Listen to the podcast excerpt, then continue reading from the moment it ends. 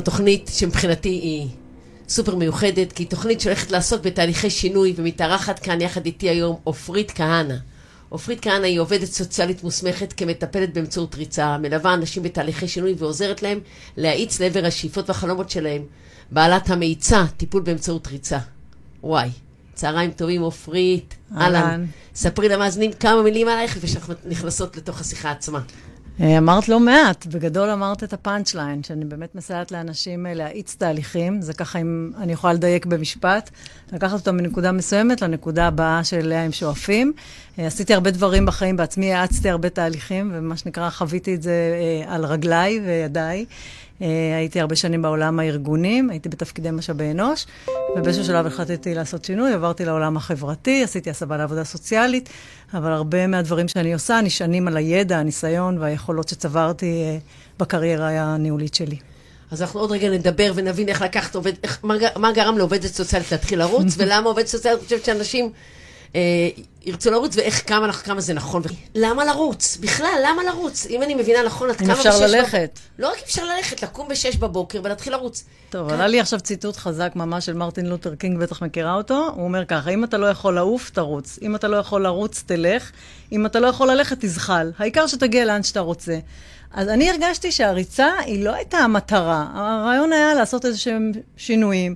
ואמרתי, יאללה, גם אף פעם לא הצלחתי לרוץ, בוא, בוא נתחיל. ולאט לאט העליתי, ראיתי שזה עושה לי טוב.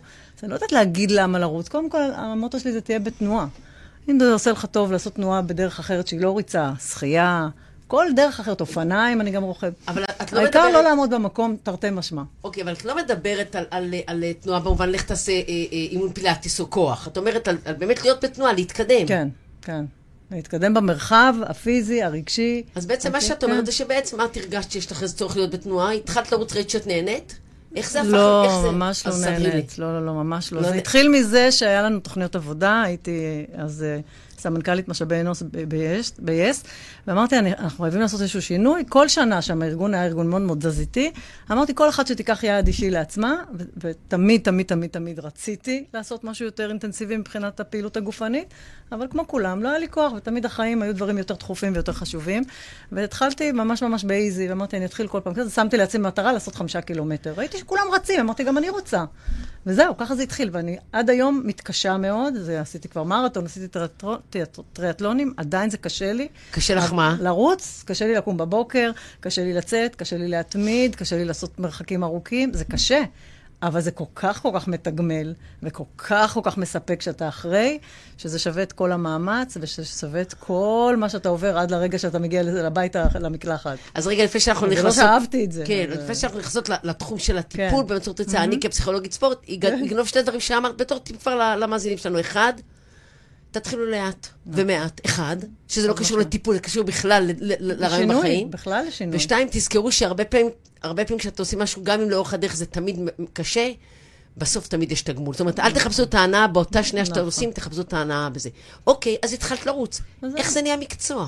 אז זה היה מאוד מאוד הדרגתי, כמו שאמרת. באמת, בהתחלה עשיתי את זה ממש ממש מעט, אבל כן התמדתי. מהרגע שהתחלתי, לפני תשע שנים, לא הפסקתי בכלל, כי הרגשתי שזה עושה לי טוב, וגם אם באותו רגע לא עשה לי, כמו שאת אומרת. מה זה לא הפסקת סוף, כל יום? תשע שנים אני רצה... כל יום? בהתחלה התחלתי בשלוש פעמים בשבוע, עכשיו אני רצה אה, שישה ימים בשבוע. ואם פתאום יצא שלושה ימים שלא רצת, קורה? אוי, זה מאוד מתסכל.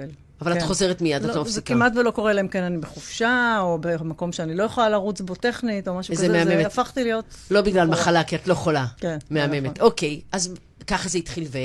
ואז ראיתי שזה באמת, באמת, באמת, באמת מאוד משפיע על היומיום שלי, ומה? על הבריאות שלי, אפילו הכאבים שהיו לי בכל מיני מקומות ברגליים פסקו, וזה השפיע על דברים אחרים בחיים. פתאום, פתאום תחושת כמו? המסוגלות, שאני יכולה לעשות הרבה דברים שלא האמנתי קודם. אני לא האמנתי שאני יכולה לרוץ. כשעשיתי את העשרה קילומטר הראשונים, אמרתי, וואו, אני מסוגלת. זה אומר... שיש בי איזשהו משהו פנימי, שאולי יכול לעשות עוד דברים שאני לא האמנתי שאני מסוגלת. וכך התחלתי, גם עשיתי שינויים בחיים, הפכתי להיות משכירה לעצמאית, העזתי לעבור בין ארגונים, בין עבודות, בין תחומים, להתחיל ללמוד. תואר נוסף, אני, אני זה דברים שלא האמנתי שאני אעשה. אני רוצה לחדד נקודה נורא חשובה שאת אומרת, כי אני משערת שהיא חלק מכלי העבודה שלך, ותכף תגידי. את אומרת, העובדה שעשיתי משהו שלא הייתי מסוגלת. שלא האמנתי שאני מסוגלת. שלא האמנתי, mm-hmm. שהמסוגלות העצמית, הסלף אפיקסי שלך mm-hmm. לגביו היה מאוד מאוד נמוך והצלחת. אומרת, אני למדתי שאפשר להכליל מתחום אחד לתחום אחר. חד משמעית, העתקה. ממה שאני חוויתי תוך כדי הריצה, השלכתי על הרבה תחומים אחרים בחיים. עד היום אני משליכה. גם כשאני מתאמצת בבוקר לקום ואני אומרת, וואלה, את עושה את זה, למרות שקשה לך, למרות שאת מתה מעייפות, למרות שאת... ברור שהיית מעדיפה עכשיו להמשיך לישון, את קמה אחרי שלוש שעות שינה או ארבע שעות שינה, זה אומר שכשיהיו לי קשיים בעוד אזורים בחיים, ויש לכולנו עוד דברים שנראים לך לרגע לא אפשריים, המחשבה שצרובה והזיכרון שצרוב לי שאם הצלחתי לעשות את זה, בתחום של הריצה הפיזי אני אצליח לעשות את זה בעוד תחומים, היא כל כך נוכחת בחיים שלי, שזה בעצם מה שאני מאמינה בו. מה ההבדל בין זה של, של נניח לרוץ לבין שהייתי אומרת, אני רוצה לקרוא כל יום מאמר ואני אדאג לקרוא מאמר? מה בעצם ההבדל, האסנס המרכזי, שהוא הבדל בין הש... העשייה שאת אומרת שיש בה משהו, אלמנט גופני פיזי, לבין זה שהייתי מחליטה שאני שעה ביום יושבת וקוראת כן. חומר מקצועי. קודם כל, הסיפור הפיזיולוגי שמצטרף לסיפור המנטלי, לדעתי זה שילוב שאין אותו בקריאה. בקריאה זה שילוב מנטלי, חשיבה. את אומרת, אני לא, אני אתחיל לקרוא. אם הצלחת, הצלחת על הכיפאק. היכולת לשלב פה גם מה שקורה לך במובן הרגשי, הכמות הרגשות שאתה מוצף אחרי שאתה מסיים משהו שלא האמנת פיזי שאתה מסוגל, אני לא מצאתי, גם המחקרים מראים שהיא לא דומה לשום דבר אחר. זאת אומרת, גם האנדרופינים, גם ההורמונים, כל מה שקורה לך כשאתה עושה פעילות מאומצת, לא משתווה בינתיים, חוץ מכדורים, או התערבות uh, חיצונית, לא דומה לשום דבר אחר. אוקיי, זאת אומרת... וזה, אין את ש... זה בקריאה, ואין את זה בהתבוננות על חוויות אחרות uh, שהן רק נגיד ויזואליות או חושים אחרים. השילוב הפיזיולוגי מייצר משהו שהוא מכפיל כוח ועוצמה שאין לו בינתיים שום דבר דומה לו. זאת אומרת, בעצם את אומרת ש, שבלי להבין בהתחלה ועם הרבה קריאת חומר בהמשך, הבנת שבעצם את, את, הצמיחה בתוך העולם הגופני mm-hmm. היא בעצם חלופה לשימוש בצורך בכימיקלים. וגם חלופה או עזרה רגשית שלא חשבתי שיכולה לקרות על ידי משהו פיזיולוגי. איך זה קורה? הייתי בטיפולים פסיכולוגיים, חשבתי שזה אפקטיבי, עד היום אני חושבת שזה אפקטיבי. אבל פתאום לגלות שאפשר לשלב בין האלמנטים הגופניים לאלמנטים הרגשיים, זה, זה וואו, זה באמת שילוב שהוא... חזק מאוד. אז טיפול בריצה הוא בעצם הריצה, או השיחה בזמן, או השיחה אחרי תספרי קצת, איך נעשה טיפול בריצה? היום אני באה אלייך ואני אומרת לך, תקשיבי, בתת קורסה, שמעתי עלייך, אי אפשר לא להתעלף עלייך. אני רוצה לבוא לקבל עזרה. קודם כל יכולים לבוא גם כאלה שכן כבר עושים פעילות גופנית, אבל זה נכון שאני אה, חושבת שהערך המוסף הגדול שלי זה דווקא אנשים כמוני שלא לא עסקו בזה עד עכשיו שהם מחליטים שהם רוצים לעשות את השינוי. אה, מה שקורה בתהליך זה בעצם הוא לא תהליך שתוך כדי ריצה מדברים בקצב אה, דיבור אה, רגיל, כי זה באמת מאוד מאוד מקשה, אלא מתחילים כמו בכל טיפול, מגיעים עם סוגיה, עם איזשהו קושי, או עם איזושהי נקודה שרוצים אה, אה, להתמודד איתה, לטפל בה, לשנות אותה, מדברים עליה, מגדירים אותה כי המטרה של הטיפול.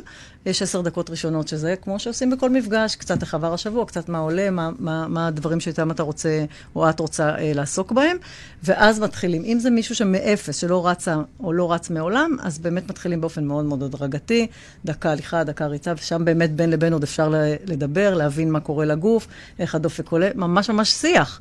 ואז לאט לאט לאט לאט, כמובן, אה, המשך הריצה עולה, שם לא מדברים. וכעבור איקס זמן, כל אחד והקצב שלו, אבל בסופו של דבר ב-20 דקות רצופות לפחות, ניתן אחר כך אה, לחכות שהדופק ירד, ואז לדבר, ולאבד את מה שקרה פיזית, בכאן ועכשיו, תוך כדי הריצה. מה התעורר, איפה זה כאב, איפה זה היה אה, דווקא נעים, כמה זמן אה, האמנת אה, שתעשה את זה, והנה כמה עשית בפועל. לדבר בעצם על מה שקרה במרחב הפיזי. אז, אז אדם שמגיע, מגיע, את מגיע לטיפול באמצעות ריצה, בעצם אחרי איזושהי פתיחה, עובר איתך, רצים ביחד של... כתף לכתף, שזה לא קורה בשום טיפול אחר. אין מרחק, אין דיסטנס, אין מטפל מטופל, רצים כתף לצד כתף, בקצב של המטופל. אה, כל, כל, כל הפורמליות לגמרי מתפוגגת, יש משהו במרחב. את בעצמך מזיעה, לחלוטין, נכון. את בעצמך עוברת חוויות אחרות. נכון, נכון. תגידי, איך, איך באמת, אה, אה, אולי לא כל המאזינים יודעים, אבל ההשכלה הפורמלית שאתה מקבל כעובד סוציאלי, קליני או כפסיכולוג, היא בעצם לשמור על setting, ריחוק נכון, נורא גדול בין מטפל נכון. למטופל. אז קודם כל, היתרון שלי, שאני באה דווקא מעולמות לא פורמליים, והרבה שנים הייתי בעולמות הניהול, שגם אז לא האמנתי במדרג ובהיררכיה המאוד מאוד מובנית הזו. הגעתי לעולם העבודה הסוציאלית, כבר הייתי מאמנת אה, ריצה, אה, וההשלמה הטיפולית דווקא נתנה לי עוד כלים לייחד את הטיפול, לקבל כלים מהעולם הטיפולי, אבל להתאים אותם למרחב הפיזי. זה גם רצים בחוץ, לא ב setting של כיסא וכולי, שיש בזה משהו שבעיניי מחזק, מקרב. ומחובר לו תפיסת עולם שלי, שקודם כל בואו נתחבר אחד לשני, גם מטפל מטופל, גם אם הוא ב setting בחדר, צריך שיהיה חיבור, שיהיה אה, נוח אה, עם המטפל, ושבאמת אני ארצה להיות שם לצידו. אז פה זה ממש תרתי משמע להיות לצידו. אז, אז רגע, אני רק רוצה לחדד. אז אם מגיע אדם שיודע לרוץ מצוין, זה לא משנה. אתם רצים 20 דקות ביחד, mm-hmm. יכול להיות שהקצב שלו מהיר משלך, והוא יעיק בשביל להיות על דרך, כי אתם עושים את זה כתף לכתף. נכון. המטרה היא לא הכושר בריצה, לא, אלא... וגם יכול להיות שהוא ירוץ הרבה לפניי, זה בסדר גמור, אין שום בעיה, יש הגדרה, כמה זמן הוא צריך לרוץ, הוא בודד, אנחנו בודדים את הדופק כשהוא חוזר, אין בעיה שהוא ירוץ ואני ארוץ, אפילו אשתרך לצורך הדוגמה אחריו, זה לא משנה, מה שחשוב זה מה יקרה לו תוך כדי הריצה, ועד כמה הוא יוכל לשתף, לדבר על זה, נוכל אה, ביחד לאבד את זה בחלק שאנחנו אה, נפגשים כתף ליד כתף. אז אני רוצה עוד לחדד, אני מגיעה בגלל שיש לי קושי מסוג מסוים, mm-hmm. ולא משנה כרגע מה, mm-hmm. אה, אה, זוגי, רגשי, חרדות, קריירה, דיכאון, קריירה. מערכות יחסים, אוקיי. לגמרי. השיח יהיה אחרי זה על התוכן שהבאתי מבחוץ, או השיח יהיה על מה חשבתי כשרצתי בנושא? על מה חשבתי כשרצתי. מה עלה בי, איפה זה התעורר בי, באיזה מקומות זה נגע בי, גם רגשית וגם מנטלית. זה בעיניי השוני הגדול מזה שאתה יושב בקליניקה, ואתה בעצם מעלה, מתאר וכולי את מה שקורה לך גם בכאן ועכשיו, אבל זה פחות פיזיולוגי. מן הסתם, אתה מביא את זה או ממקרים קודמים שחווית, או ממחשבות שעולות לך תוך כדי. ופה זה מאוד מאוד מאוד חזק, שזה גם בגוף פוגש אותך, גם הקושי פוגש אותך תוך כדי הריצה, גם המאמץ כמובן מוסיף לזה, וגם המחשבות שעולות תוך כדי הריצה מעוררות עוד חלקים בגוף, שאתה פחות חווה אותם כשאתה יושב סטטי. זאת אומרת, אני, אה, יש לי אישו עם קריירה, כן. הגעתי אליך, אבל בכל הריצה, בכלל המוח שלי ברח למקום אחר, ובכלל לא mm-hmm. התעסקתי בענייני הקריירה, אז השיח בינינו התעסק אפילו על הבחיר, על ה...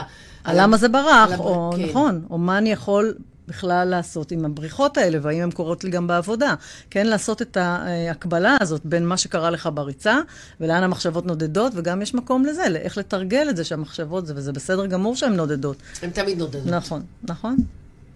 יש, יש מה שנקרא ריצה מודעת, ואז זה, גם חלק מהעניין, באמת לאפשר לחושים האחרים לעבוד, ולאפשר למחשבות לנדוד, ולהחזיר אותם אחר כך ולמקד אותם במקומות אולי ספציפיים שאנחנו מגדירים שזה המקום להתמקד בהם. אמ, החלק ההנחייתי באמת בסוג הטיפול הזה הוא מאוד מאוד חשוב, ולכן זה לא כמו לרוץ לבד. אני חושבת שהמשקל של המטפל בריצה יכול להיות בדיוק במקומות האלה, של לדעת להבין למה זה ברח, או איפה בדיוק הרגשתי את זה בגוף, כשחשבתי על המחשבה הראשונה שצצה לי באסוציאציה על העבודה, או על כל דבר אחר שבו אני רוצה לגעת. אני, אני חייבת להגיד משהו שהוא לא פוליטיקלי קורקט, אבל התשוקה שאת מדברת, כאילו, אני במשך שנים רצתי, בשנים האחרונות אני לא רצה מקומי סברות, אבל כאילו, אני, מה שאני חושב זה שאני מסיימת את הפגישה איתך. בא לך שנצא לרוץ פה. ב... כן, לא, בא לי לחזור לרוץ, באמת בא לי, אני זוכרת את ה, את ה, את ה, באמת החוויה, את התחושה הנהדרת. הרבה מעבר לקלוריות. ההיי הזה שאומרים, באמת זה לא קלישה, זה אמיתי. כן, גם אם אני רצה קצת, ובאמת את ה... שאני חושבת שאחד היתרונות זה שאפשר לעשות את זה בכל מקום, כמעט נכון. בכל מצב, חוץ מעכשיו, בימים הנורא לוהטים האלה בשיא החום. שגם, גם, גם אפשר. זה אולי דורש מאמץ יותר גדול, לקום יותר זה מוקדם. זה חלק, זה חלק יכול להיות מהסשן, שמישהו דווקא ירוץ בקור או בחום, בבוקר או בערב, זה גם כן אישו שנכנס לתוך התהליך הטיפולי? זה, זה באמת כל אחד תלוי בכמה הוא רוצה לאתגר את עצמו ומה רמות הקושי שאליהם הוא רגיל או רוצה להתרגל. זה חלק בעיניי מכל העולם הזה של שינוי הרגלים. כי אם מישהו באמת רגיל לרוץ בשעות מסוימות, והסטינג משתנה לו, המזג אוויר משתנה, מה קורה אז?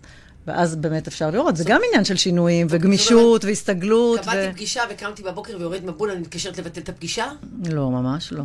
ממש לא. קודם כל, הסיפור של המזג האוויר והתנאים הוא באמת מאוד רלוונטי לסוג הטיפול הזה, אז גם יש לי קליניקה, לא מבטלים. אז אם לא ניתן לרוץ בכלל בשום מצב, אז אפשר או לדחות את זה באמת לשעה יותר מאוחרת, או לבוא ולדבר בחדר. או לרוץ ולהירטב. כן, שזה לגמרי אנשים שרצים, רצים בכל מזג אוויר. אומרת, זה משהו, אבל אני לא מצפה מכל מטופל, בטח לא בתחילת דרכו, שבוא נגיד לאתגר אותו עד לרמה הזאת שגם לרוץ כשקר מאוד, או שמזיעים בצורה קיצונית. Uh, הכל נעשה תחת בקרה, ובאמת שיקול דעת, ובאמת בהתאם למטופל, כל אחד ורמת הסיבולת שלו. זה, זה פעם ראשונה נראה לי שמישהו בא לפסיכולוג, אבל צריך להביא uh, אישור מהרופא שלו שהוא בריא. לגמרי, לגמרי. תגידי, מי, מי מגיע לזה? מי מגיע אליך ותשתפי קצת? אליי, לכל אחד באמת יש את האוכלוסייה שהוא בא מרגיש שהוא יכול להביא ערך יותר גבוה. אני חושבת שהמיקוד אה, שאני בחרתי הוא ככה גם מניסיוני אישי, זה נשים שרוצות ונערות ונערים, שבעיקר כל סוגיית הדימוי גוף מאוד מאוד מעסיקה אותם. אנשים שרוצים לעשות שינויים בעולמות של קריירה, של דימוי עצמי, של יכולת לשנות משהו בחיים שלהם שקשור למערכות יחסים, שהמקום שבו הם נמצאים לא עובד להם כמו שהם מאמינים שיכול לעבוד להם, מרגישים שהם צריכים להיות בתנועה למקום חדש ולא יודעים איך. אה, וגם חלקם הגדול באמת באמת לא עשה אף פעם שום פעילות גופנית ומבינים, בעיקר בגילאים 40 פלוס, שהסיפור הזה זה לא סתם שהמחקרים וכל מה שקראנו בקורונה עוד אפילו אה, ככה הגביר את זה, אה, מחייב אותנו כדי לחיות באורח חיים טוב יותר, אה, אריכות ימים, בריאות וכל המילים שאולי נשמעות כמו קלישאות, אבל הן באמת באמת מאוד נכונות. צריך לעשות הרבה מאוד פעילות גופנית כדי... להאריך חיים, ובעיקר לחיות אותם בכאן ועכשיו בצורה הרבה הרבה יותר כן, מטיבה. כן, אבל את אומרת משהו, ואני אשמח אם תרחיבי על זה קצת, שהסיבה שאת מציעה לאנשים לרוץ היא לא בגלל ה... המצב הגופני, אלא בגלל ה-well-being הנפשי שלהם. נכון, כי זה משפיע. זאת אומרת שפעילות גופנית אה, מעוררת, ממריצה. את הבריאות הנפשית. זה, זה ממש דו-כיווני. אני חושבת שאדם שנמצא בתנועה ובפעילות מאומצת, אני לא מדברת על אה, אנשים ש... גם עושים פילאטיס זה מצוין, שרירי ליבה זה מעולה. אבל אם אני צריכה אה, באמת אה, להגיד מה הקשר המיטבי בין הפעילות הגופנית לפעילות הנפשית, זה באמת לעשות פעילות שהיא מאומצת, שמעלה דופק, היא משחררת כל מיני כימיקלים בגוף שהפילאטיס פחות עובד עליהם, הוא עובד על דברים אחרים מצוינים. אז אני חושבת שהדו-כיווניות הזאת היא זו שעושה את ה-well-being, שאתה יכול להמריץ פעילות גופנית שתביא המרצה לפעילות רגשית והפוך, וגם פעילות מנטלית. אני חושבת שזה, לי זה שינה המון המון דפוסים חשיבתיים. כמו? שאמרתי, גם על היכולת להסתגל, גם היכולת להגביר אה, את מידת המאמץ שלי על דברים אחרים שחשבתי שהמאמץ הזה או ישבור אותי, או הוא לא משתלם לי, או הוא לא יתגמל אותי מספיק. אה, התפיסה הזאת של מה יוצא לי מכל דבר, היא הייתה... אחרת לחלוטין מאז שהתחלתי לרוץ. ואני הייתי כן בן אדם פעלתן, עשיתי הרבה דברים, הייתי מאוד עסוקה בדואינג תמיד, אה, אבל אני חושבת שהיכולת אה, לעשות כל פעם את האקסטרה מייל, למרות שאתה לא מאמין שתהיה מסוגל לעמוד בו לאורך זמן, וזה אולי המפתח העיקרי, לפחות עבורי, להתמיד בזה. זאת אומרת, אתה עושה תהליכי שינוי, לפעמים הם, מי שאוהב שינויים, הם קצרים. אתה עושה סירקל, מגיע לנקודה שאולי חשבת שתגיע, וזהו, ממשיך לדבר הבא. זה הדבר היחיד שהוא מתחזק לאופן, באופן אה, ככה מתמשך. וזו הרגשה מצוינת. כאן את אומרת, הגעת ליעד, אתה הולך ליעד הבא. בדיוק, אני רוצה רגע לשאול, להקנית, זה סוג של מדיטציה. כן. מה ההבדל? אה, בוא נגיד שמדיטציה קלאסית, אה, שהיא סטטית, שהיא רק באמת עסוקה בחלק, ה, הייתי אומרת, המנטלי, אה, לזהות איפה המחשבות נמצאות, נגיד כל עולם הקשיבות.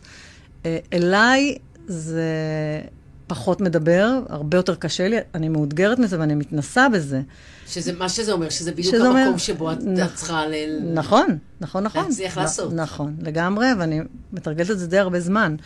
אני חושבת שמה ששונה בזה בריצה, אה, שאני גם אה, משיגה עוד הישגים אחרים, כי כל סיפור האנטרופינים לא משתחררים במיינדפולנס, שאתה יושב סטטי, כמו שמשתחררים בריצה, ופה אני מרוויחה שתי ציפורים במכה. אני גם מתרגלת את הקשיבות שלי תוך כדי הריצה ובודקת ומזהה לאן המחשבות נודדות, וגם עושה פעילות גופנית שממריצה אותי אחר כך. לכל היום אני מרגישה אנרגטית ברמות של, גם אחרי מיינדפולנס, ואני עושה.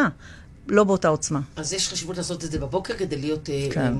זאת אומרת, טיפול בריצה, תעדיף לעשות לאנשים בבוקר. אני ממליצה בבוקר, אני יודעת שיש אנשים שהם לא אנשי בוקר, אז אם לעשות את זה, זה אחרי צהריים ערב, אבל לא ממש סמוך לשינה. כי זה באמת מעורר, ואחר כך אתה אנרגטי. אז אם יש לך יום עמוס עם הרבה אנשים, את מוצאת את עצמך רצה הרבה פעמים, או שאת צריכה להיות uh, במינון של לעשות uh, טיפול שניים בבוקר, טיפול שניים בערב, כי אחרת גם את uh, פיזית... Uh... כן, זה, זה, זה המינונים הנכונים עבורי. זה בא במקום הריצה שלך, האישית? לא, זה יהיה אחרי. הריצה שלי תהיה בחמש וחצי בבוקר, רבע לשש, והריצה עם מטופלים מתחילה בשבע, שמונה. בקיץ אפשר גם, אה, אפשר... אה, בחורף. רק עד אה, תשע, אבל בחורף אין שום מגבלה, כן, לגמרי.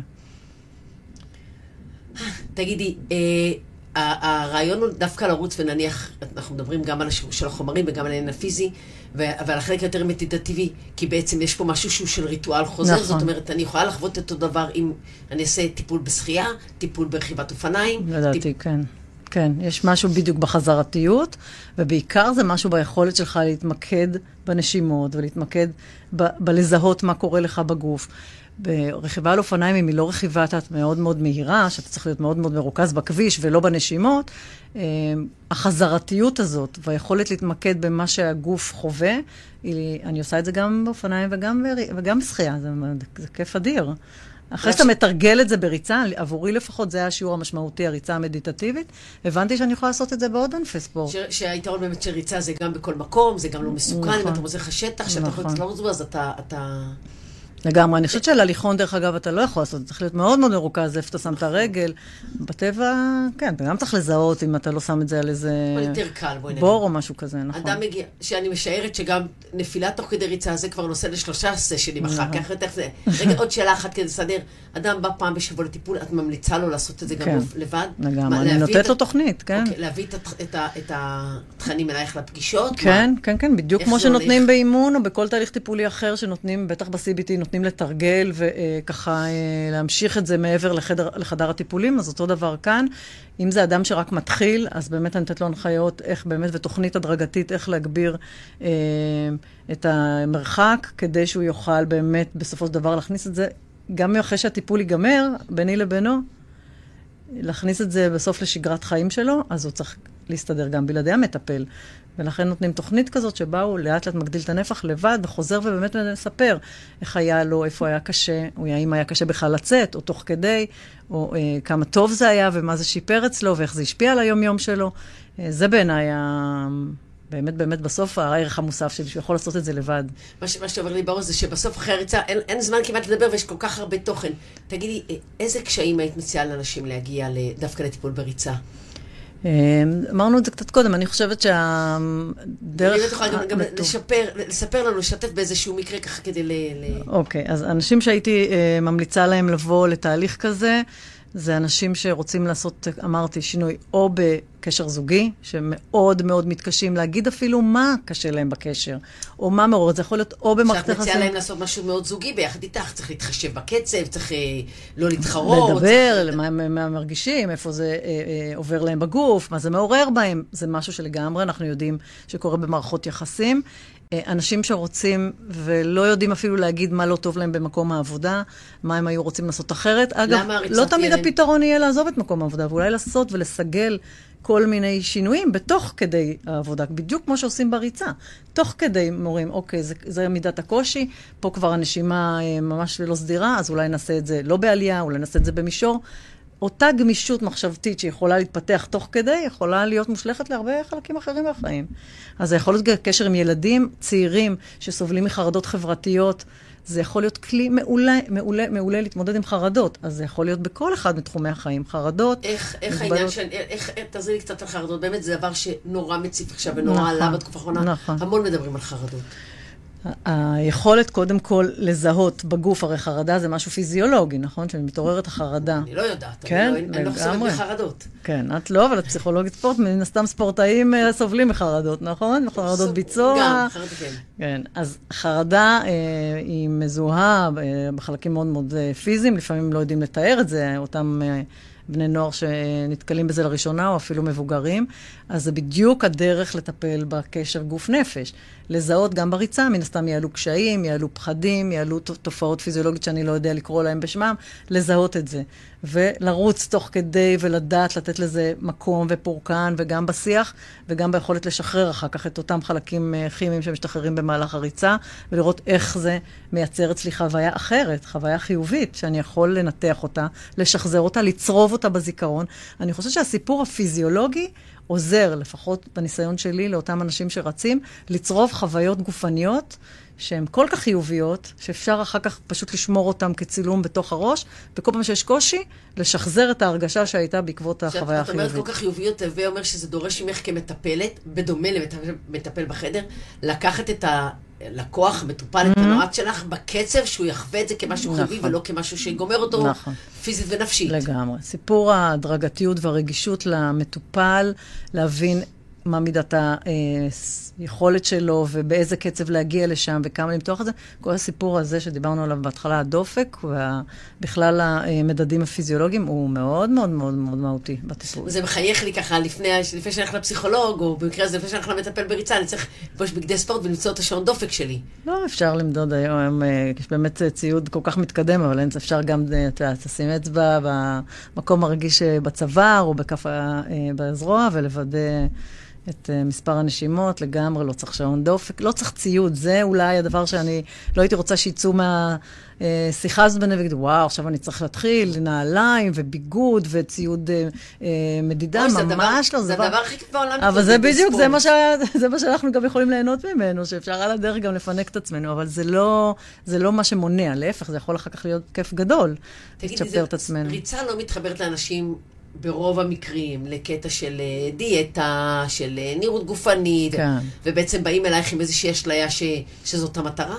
קודם כל, זה לא אשליה, זה באמת מקדם, גם אלמנטים אה, גופניים חיצוניים. זאת אומרת, אה, אני לא אסתיר שחלק מהמוטיבציה של אה, ריצה היא להרגיש יותר טוב עם הגוף שלי.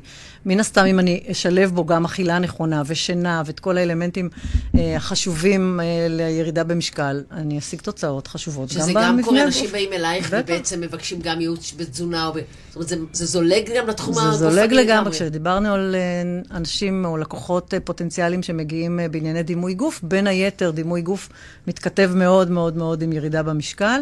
אה, נשים שטיפלתי בהן שסובלות מעודף משקל, והיה להן מאוד מאוד חשוב אה, לעשות שינוי. אני לא דיאטנית, כן, למדתי אימון תזונה, אבל אני כן חושבת שהיכולת שלך לסגל הרגלים בעולם הריצה ולהתמיד בהם, יכולה, אפרופו מה שאמרנו קודם, לעשות העתקה ממה שקורה במרחב הפיזי בטיפול, לעולמות אחרים, לגמרי יכול לסייע. אז יש יעדים, יש מטרות ברורות, יש הרגלים חדשים שאתה מסגל, זה בדיוק מה שצריך בעולם הדיאטה. שאני משערת שיש מצבים שאת אומרת, לכי לדיאטנית במקביל כן. לטיפול הרגלי.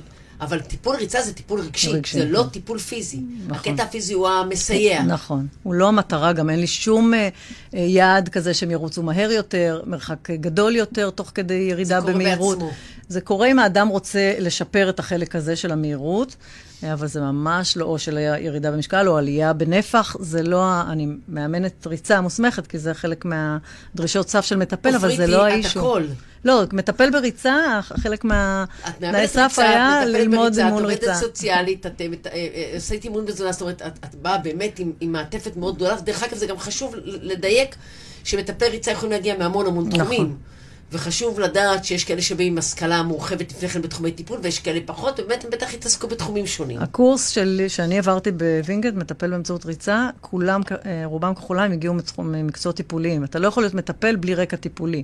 מאמן ריצה, אתה כן יכול לבוא מדיסציפלינות אחרות מאמן לגמרי. מאמן ריצה הוא מאמן כן. ריצה את החבר'ה לאולימפיאדה, והוא לא מאמן אה, נפשי, נכון, הוא לא עושה את עבודת נכון, נפש. נכון. תגידי, זה נשמע לי משהו נורא מפתה.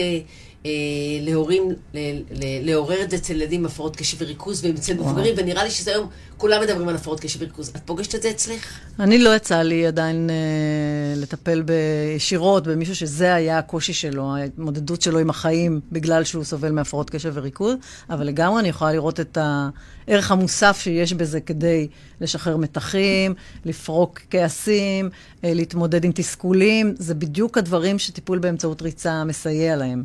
אז לגמרי אני יכולה לראות אה, איך טיפול בריצה יכול לסייע לילדים אה, או מבוגרים שסובלים. אני באופן אישי לא מאובחנת, אבל אין לי ספק שלי זה נותן מענה לכל הקשיים של, אה, שלי עם ההתמודדות עם הפרעות קשב שלי. אני, אני, אני הולכת... יושבת פה ב... לא, אני יושבת, אני אומרת, סובלים מהפרעות קשב וריכוז, אני, יש לי אישו גדול עם העניין הזה, אני לא חושבת שרוב החבר'ה ש...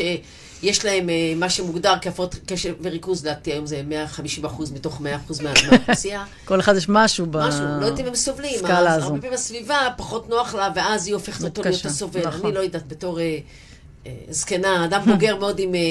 אין לי ספק שבתור ילדה, אם זה היה מאובחן, אז היו מנסים לדחוף לי mm-hmm. כל דבר אפשרי, לשמחתי, למזלי, כל כך הגד... יצא שלא לא הייתה אופציה, אבל לראיה מצאת... מצאת כלים אחרים להתמודד איתם. Mm-hmm. דרך אגב, הכלי היום... הכי חשוב שלי היה ריצה. כן? רצתי, עשיתי חדר כושר, כול. אז נכון, היום מי שבאמת אה, אני מכירה וגם אה, פוגשת, אה, שזה לא הסיבה שבגללה הוא הגיע, שהוא סובל מהפרעות קשב וריכוז, זה לא. סובלים מהפרעות קשב וריכוז. שהרופא מגדיר שהוא סובל, או המורה, המורה מגדירה, המורה. המורה סובלת, אני כן, מבין. להיות נכון. מורה כן, זה... כן, שניים מילדיי הם מאובחנים, אני מבינה את זה לגמרי. ומה, שלחת אותם לטיפול בריצה? לא היה אז, אבל uh, כן, אני, היום ברור שפעילות גופנית היא אחת מהדרכים הטובות ביותר להתמודדות עם ש... הקשיים שמתעוררים כשהפרעת קשב יש... וריכוז לא, לא מטופלת. היא מטופלת, זה בדיוק העניין. יש לי זיכרון חזק בתור נער, ילדה, הייתי מגיעה הביתה אחרי בית ספר, אה, בוער בי הגוף, אמא שלי הייתה אומרת, מותק, צאי לרוץ עד שהאוכל יהיה מוכן, והיו לנו פרדסים ליד הבית, והייתי יוצאת לרוץ עד שהאוכל היה מוכן. אז היו לך חושים אה, טובים מאוד להבין מה יכול לסייע לך לשחרר את המתח הזה. נכון, היא הייתה אישה... אבל היום הרבה מההורים בכלל לא כן. חושבים שפעילות גופנית, אנחנו יודעים גם בדור המסכים זה פחות... אה, פחות קורה, ונכון, לגמרי, אחד הטיפים החשובים להורים וגם לנו כמבוגרים, בואו תפרקו את זה בדרכים אחרות, ולא על ידי uh, תרופות או כל מענה אינסטנט אחר.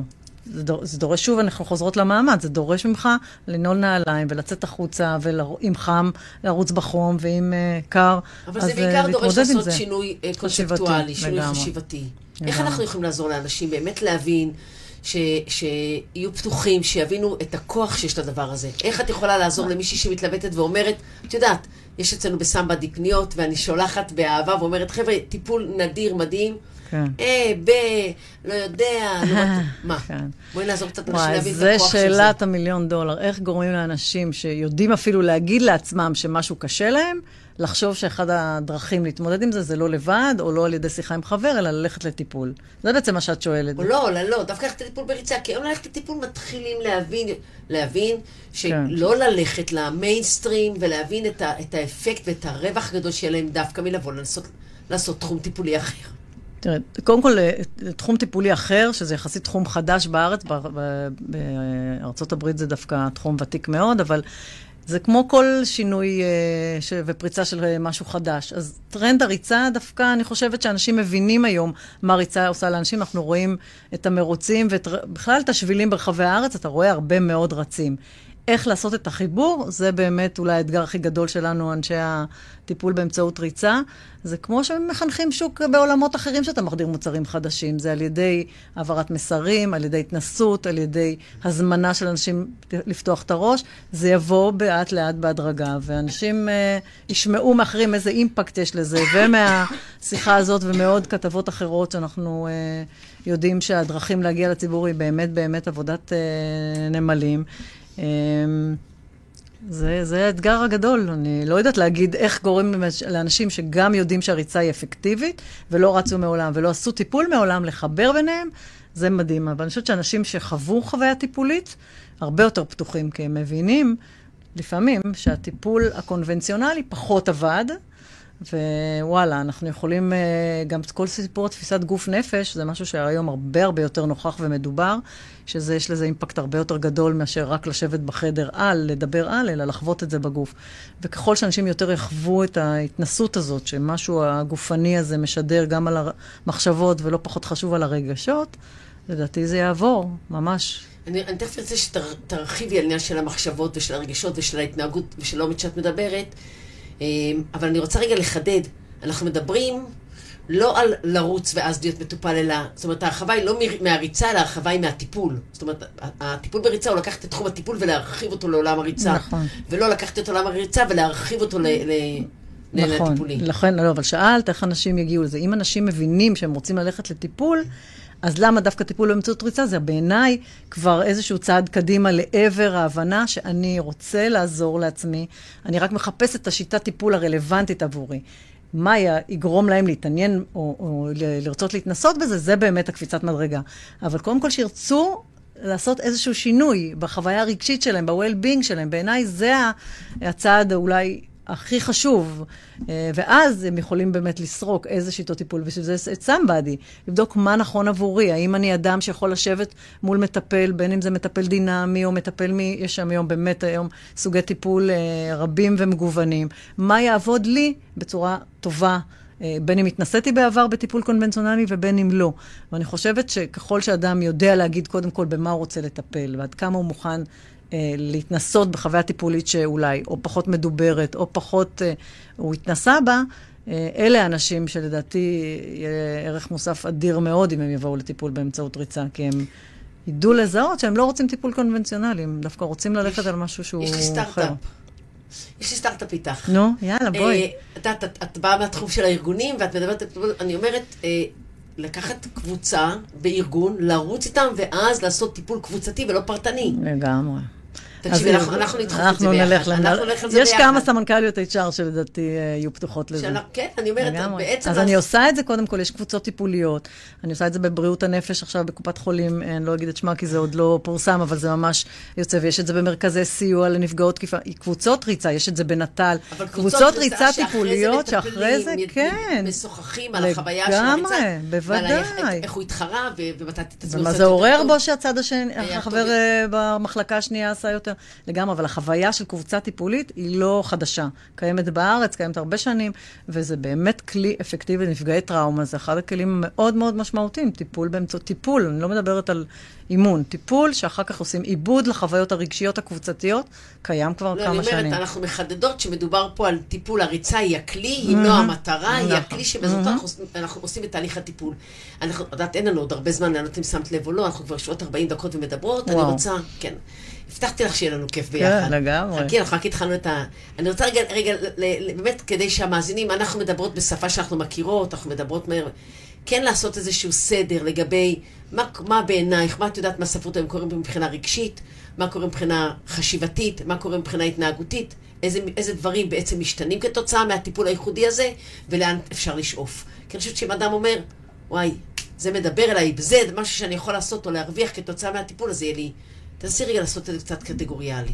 טוב, אז קודם כל, הסיפור המנטלי, בעיניי... מנטלי אנחנו מדברים על מה שקורה בקופסה. בראש, מה שקורה בראש. מה שקורה בראש צריך להתחיל קודם כל אה, מהכרה שאני רוצה לעשות שינוי. או שמשהו קשה לי, ומשהו כואב לי, או משהו מפריע לי, או משהו אפילו קיים בי, ואני לא יודע אם זה אפילו טוב לי. אני לא יודע אם זה כואב או לא. זה מתחיל משם. בעיניי, זה הנקודת מוצא החשיבתית.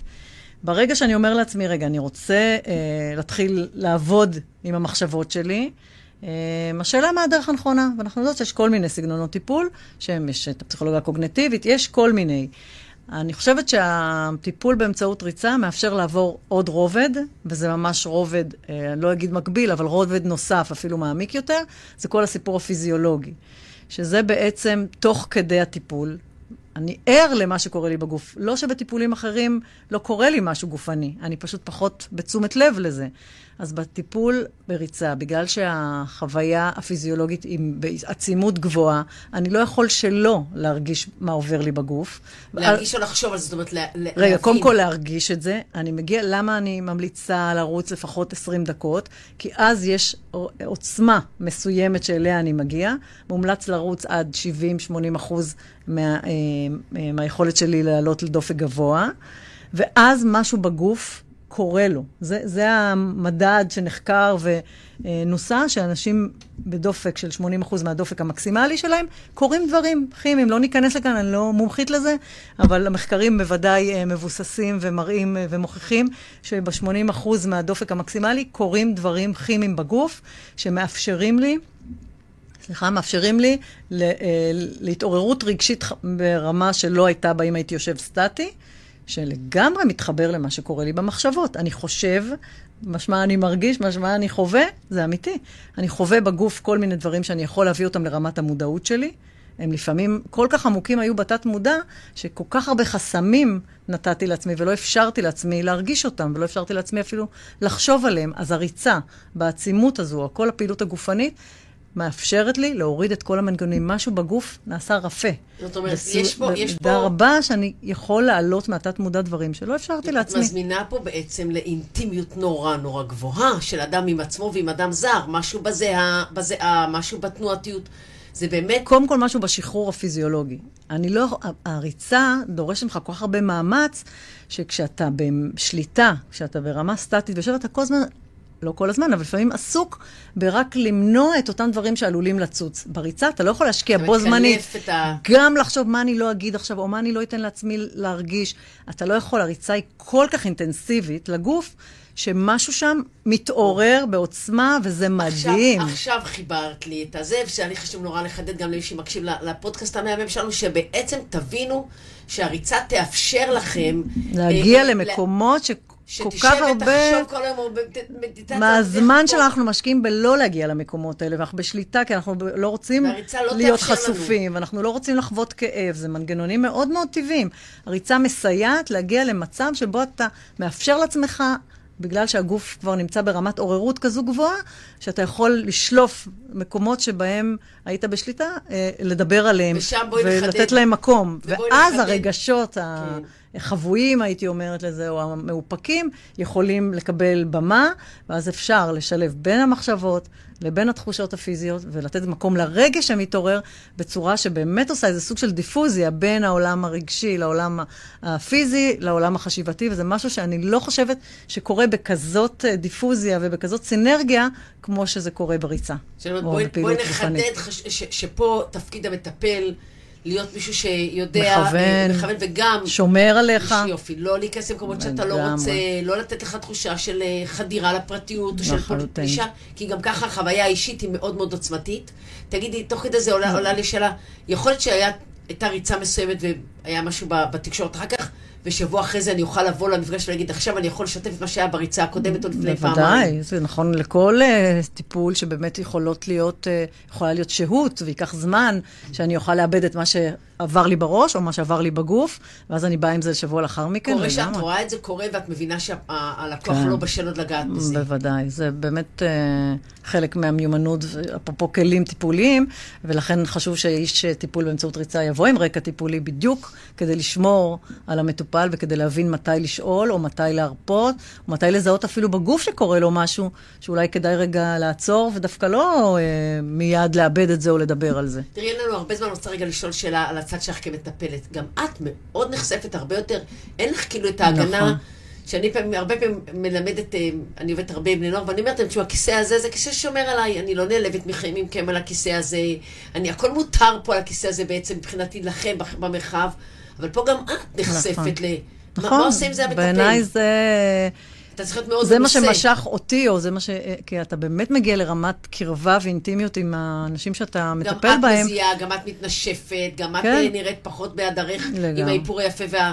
והלבוש הוא אחר. מה קורה שם למטפל? אז כמו שאמרתי בהתחלה, אני חושבת שהאדם שבי, אני אוהבת את הקשרים הבלתי פורמליים, אני לא צריכה את הכיסא כדי להרגיש שאני, אני, כל הסיפור שלו בגובה העיניים, של, אפילו אפשר להגיד, השוויוניות הזו בריצה. בגובה הרצפה, זה לא גובה לג, העיניים. לגמרי, לגמרי. אני חושבת שזה משהו שאני מרגישה מאוד מאוד בנוח. אמ, ולומדים את זה עם הזמן, שזה זה, זה לאורך כל הקריירה שלי, שזה לא המעמד או הכיסא או ההיררכיה אפילו הארגונית, זה משהו שהוא באמת באמת אה, באישיות שלי. אני אוהבת אנשים, והיכולת להגיע לרמת קרבה ויכולת להיפתח וזה, היא בעיניי הזכות שיש למטפל בסופו של דבר, להגיע לאדם שנמצא לידו, לא ממקום מתנשא ובטח לא ממקום יודע, אלא בוא, אנחנו פה ביחד בסיפור הזה. את יודעת, אני, אני, אני חווה הרבה מאוד מטפלים סביבי, באמת אנשים שהם אה, מרוחקים ומתנשאים ומאוד מאוד מגוננים, וכל אמירה של לקוח, של מטופל מבחינתם, היא מיד בוא נבדוק את ה setting ולמה למה אתה מאחר, ואתה, קראתי עכשיו איזה פוסט מישהי ביקשה חופש באוגוסט, תבדקו איתה מה המשמעות. חבר'ה, הבחורה רוצה חופש, תשחררו, אבל זה משהו שאני מבינה שאצלך לא היה לפני כן גם. לא, לא היה אצלי, ואני עוד פעם, אולי בגלל שלא גדלתי בעולם הטיפולי, אתה עשרות שנים, בא מעולם הניהולי, שיש בו משהו שמאוד מאפשר, מכבד את הצד השני, מאוד מזמין, אז נראה לי שזה דווקא הגיע לעולם הטיפולי והביא חלקים ומיומנויות ויכולות שלי מעולמות קודמים, שמאוד מאוד סייעו לי בתחום הזה של טיפול באמצעות ריצה. שלא יחשבו שאנחנו נגד setting או נגד טיפולים כן, דינמיים, אנחנו מכבדות. אני עושה גם את זה, אבל... איש, איש כן, לגמרי. אבל הסטינג הבסיסי הוא אחר. בסופו של דבר, כן.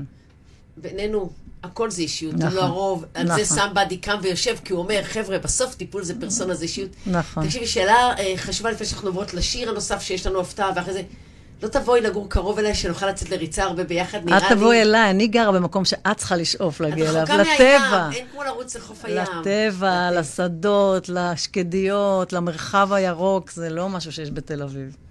שזה גם אישו לא פשוט. ואני באה לרוץ בתל אביב, דרך אגב, אנחנו לגמרי צריכות לעשות את זה. כן, אבל יש מצב שבו באמת לדעת, את באמת יושבת במקום מרוחק, הייתי יכולה לשבת בקליניקה במרכז תל אביב, ושם לצאת לריצות ברוטשילד? אני מאמינה שהטבע פותח מרחבים אחרים.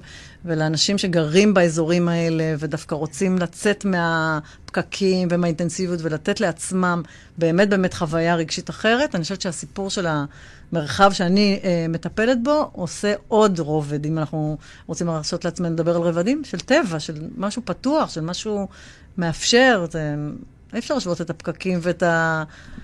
זיהום אוויר שיש בתל אביב למקום שבו אני עושה את הטיפול. את יודעת, יתרה מכך, אני, אני אה, לחצתי לחץ אה, מסיבי עדין עד, עד קשה על בחור ואמרתי לו, השעה נסיעה חזרה הביתה אחרי טיפול אצל אה, עופרית, אפילו ייתן לך זמן לחשוב ולאבד את כל מה שחווית שם. עם זירו קר באוטו, נראה לי בכלל... כן, זה מה שאנשים אומרים שהם מגיעים, שאפילו הנסיעה והכניסה ליישוב הכפרי והדרך המאוד מאוד פתוחה ולא פקוקה, ואתה שם איזה מוזיקה טובה, היא גם חלק מהזמן שאתה משקיע בעצמך, ובטח לאנשים שזה, הנסיעות זה חלק מהחיים שלהם, מי שגר בפריפריה, זה לא נראה לו לנסוע עשר דקות, רבע שעה, אה, עשרים דקות אפילו, זה לא סיפור. וגם מתל אביב, לנסוע חצי שעה, ארבעים דקות, בשביל משהו שבאמת פותח לך עוד דברים שהמרחב העירוני לא מאפשר. בעיניי זה שווה את זה. תקשיב, אז תקשיב, יש לנו דקות ו-700 שעות, שאלות עוד נשארו לי, ויכולתי באמת לעבור לגור פה איתך, או אפילו תוך כדי ריצה, אז, אז אני רוצה לשאול ככה שאלות קצת פרקטיות. קודם כל, מה המשך של טיפול כזה? אפשר לבוא לפגישה שתיים, ומה קורה כש... כשנניח יסתיים? מפסיקים לרוץ, ממשיכים לרוץ, ואיך את יודעת לאנשים לשמר את הדבר הזה הלאה? אה, וואו, כמה שאלות, מיכל. תראו, יש לך דקה וחצי. טיפול. באופן כללי, גם נשאלת השאלה, מה אורך טיפול? יש כל מיני סגנונות, נכון? יש טיפול קצר מועד, טיפול... בגדול זה נכנס לקטגוריה של טיפולים ממוקדים וקצרי מועד. זה לא טיפול של שנים. בטח אם האדם מסגל... את הריצה כאורח חיים שלו, הוא מסוגל להמשיך ואחר כך לעשות עבודה עם עצמו, אחרי שהוא קיבל את הכלים ואת היכולת לזהות ולאבד את זה, גם להמשך חייו. אני מקווה שבאמת התהליך איתי של 12-15 מפגשים יאפשר לו אחר כך, אחרי שהוא צבר איזשהו פרק זמן שהוא יכול לרוץ בצורה ממושכת, ואיבדנו את זה ועשינו את התהליכים של שמם הוא בא, הוא יכול אחר כך פשוט לעשות את זה לבד. עוד טיפ שאני אגיד, הדרך לעשות את זה, ולשמר את זה, את ההוואי הזה וזה, יש באמת היום באמת המון המון קבוצות ריצה, שאחר כך אפשר רק כדי לשמור על ההתמדה. יש מרוצים מדהימים, שזה עולם שלם, שמי שמתחיל לרוץ נחשף אליו ולא רוצה להפסיק, הוא ממכר. אה, או לרוץ כמובן עם חבר, או עם הבן זוג, או כל דרך אחרת שתסייע, כל אחד יזהה מה עוזר לו אה, להמשיך פשוט לשמור על הדבר הזה. עם מוזיקה, בלי מוזיקה, כל דרך טובה. כל דרך מצוינת. כל אחד יכול ממש, יש כאלה שאוהבים לבד, יש כאלה שאוהבים אה, לעשות את זה עם עוד מישהו. אחרי הטיפול, עצם זה שתמשיך בריצה, יש לזה אפקט משל עצמו. נכון. וזה בעיניי שונה מכל טיפול שאני מכירה. אחרי שאתה מסיים טיפול, עושים פרידה, נגמר החלק הטיפולי.